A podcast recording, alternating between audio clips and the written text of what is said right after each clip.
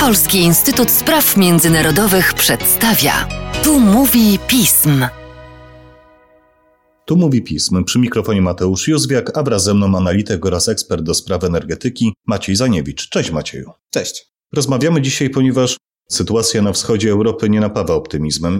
Wobec groźby zintensyfikowania i powrotu do pełnoskalowego konfliktu między Rosją a Ukrainą Stoimy w obliczu zagrożenia energetycznego. Część z analityków i ekspertów zastanawia się, czy Europie grozi widmo utraty dostaw błękitnego surowca ze strony Federacji Rosyjskiej. Macieju, czy to są uzasadnione obawy? No niestety to jest coś, co już się dzieje. To znaczy Rosja ewidentnie wykorzystuje gaz ziemny do wywierania nacisku na Unię Europejską po to, żeby osiągnąć z jej strony pewne ustępstwa. Jak wygląda to wywieranie nacisku? No to jest coś, co już odczuwamy i skutkuje wzrostem ceny gazu w całej Europie, w tym i w Polsce. Chodzi o to, że Rosja w zasadzie przestała wypuszczać gaz na giełdzie, plus ograniczyła dostawy do minimum wynikającego z kontraktów długoterminowych. Ale dało się też na giełdzie zauważyć bardzo duże wahania w związku z widmem wojny na Ukrainie. Tak, to prawda. No, oczywiście traderzy oczekują konfliktu, w związku z czym każde zaostrzenie bądź każda deklaracja ze strony Rosji, która zwiększa ryzyko wybuchu takiego konfliktu, no, powoduje reakcję na rynku. Natomiast no, to nie zmienia faktu, że dostawy z Rosji są cały czas na rekordowo niskim poziomie. I to też skutkuje dużymi obawami o to, czy tego gazu starczy, no bo tego gazu rzeczywiście jest coraz mniej. Takim idealnym wskaźnikiem jest ilość gazu zgromadzona w magazynach podziemnych, gazów Unii Europejskiej i Obecnie mówimy, to są dane za 5 lutego, poziom zapełnienia tych magazynów to 36%.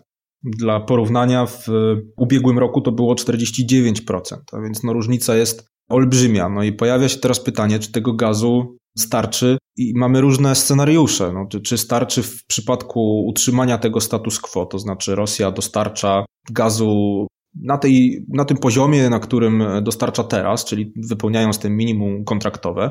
No i tutaj też doskonałą analizę na ten temat przeprowadziła, przeprowadził think tank Proigla, który wskazał, że no tego gazu wystarczy, natomiast będzie to skutkowało poważnymi problemami, w szczególności dla Europy Środkowej i Wschodniej. To znaczy, to wynika z kilku względów. To, o czym teraz mówimy w kontekście kryzysu gazowego, to to, że Stany Zjednoczone, Unia Europejska porozumiały się na temat zwiększenia dostaw LNG i rozważają właśnie jakieś scenariusze dotyczące zwiększenia dostaw LNG, ale LNG Europy, krótko mówiąc, nie uratuje. Dlaczego? Dlatego, że jak spojrzymy na jej mapę, to terminale importowe LNG znajdują się głównie na zachodzie Europy. Tutaj polskie Świnoujście to raczej jest wyjątek od reguły. Niemcy na przykład nie mają żadnego terminala importowego. Wobec tego, gdyby takie dostawy zostały zintensyfikowane nawet do 100%, to one są w stanie zapewnić całkowite bezpieczeństwo energetyczne Portugalii, Hiszpanii, Francji.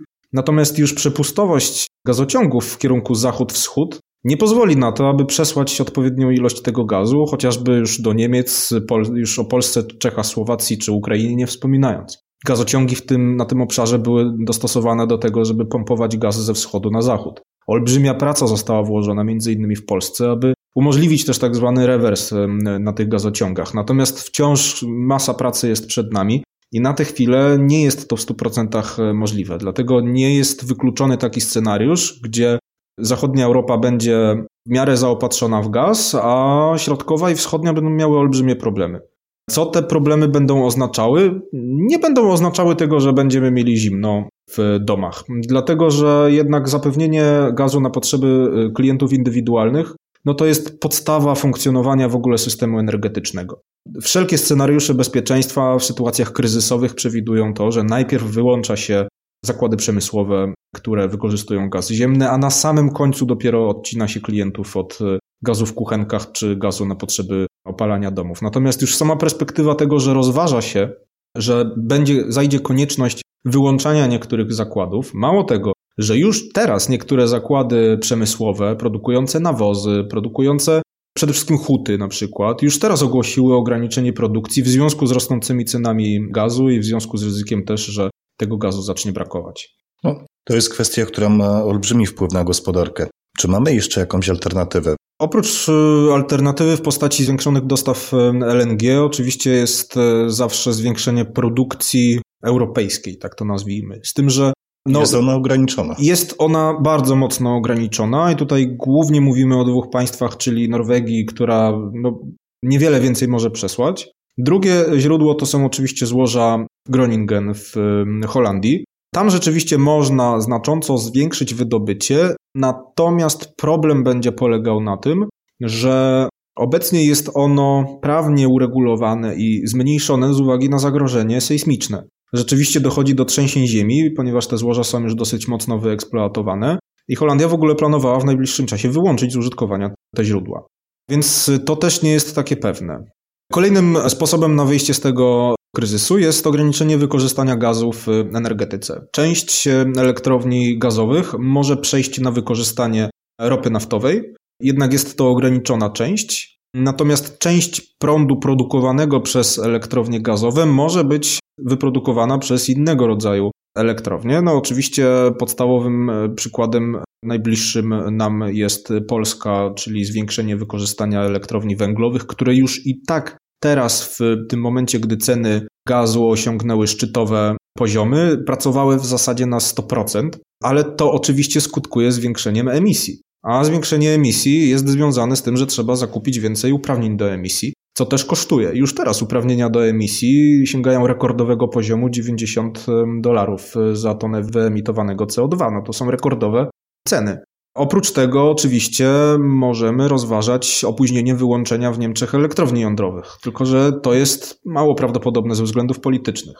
No i pozostaje jeszcze e, jedna kwestia, czyli to, na co naciska przede wszystkim Federacja Rosyjska. Federacja Rosyjska przekonuje Europę, przekonuje Unię Europejską swojej dosyć szeroko zakrojonej kampanii propagandowej, że Jedynym ratunkiem dla Europy w tym momencie jest uruchomienie Nord Stream 2 i gdy tylko Nord Stream 2 zostanie uruchomione, no to popłynie nim gaz ziemny i Europa zostanie uratowana za sprawą łaskawej Federacji Rosyjskiej. Problem z tym polega na tym, że tak naprawdę ten gaz już teraz mógłby popłynąć.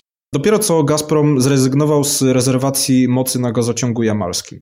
Gazprom ograniczył również przesył przez ukraiński system przesyłowy. Gdyby tylko chociażby te kierunki zostały w pełni zutylizowane, no to nie byłoby w ogóle mowy o jakichkolwiek problemach energetycznych w Unii Europejskiej. Rosja jednak stara się te problemy zwiększać, aby osiągnąć e, swoje cele e, polityczne.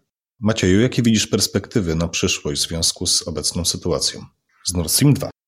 Tutaj ja bym wyróżnił dwie płaszczyzny. Pierwsza to jest płaszczyzna prawna, to znaczy proces certyfikacji w tym momencie został wstrzymany z uwagi na mm, niespełnienie warunków e, prawnych dotyczących tej procedury, a mianowicie Gazprom musi przenieść spółkę operatora gazociągu Nord Stream 2 AG do Niemiec. To już się zaczęło.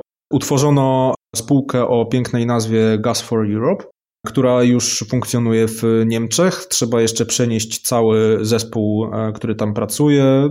Generalnie wszystko musi funkcjonować na obszarze Niemiec, aby operator został e, certyfikowany. I ta procedura prawdopodobnie zostanie zakończona w okolicach połowy 2022 roku. Natomiast jest jeszcze druga płaszczyzna, to znaczy płaszczyzna sankcyjna.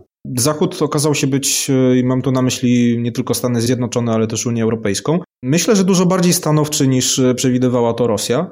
I jasno stwierdził, że Nord Stream 2 zostanie obłożony sankcjami w przypadku, gdy dojdzie do eskalacji konfliktu na Ukrainie i przerodzi się on w pełnoskalowy konflikt albo coś więcej niż jest teraz. W związku z tym, no ja bym oceniał to zagrożenie jako realne, zagrożenie dla Nord Streamu.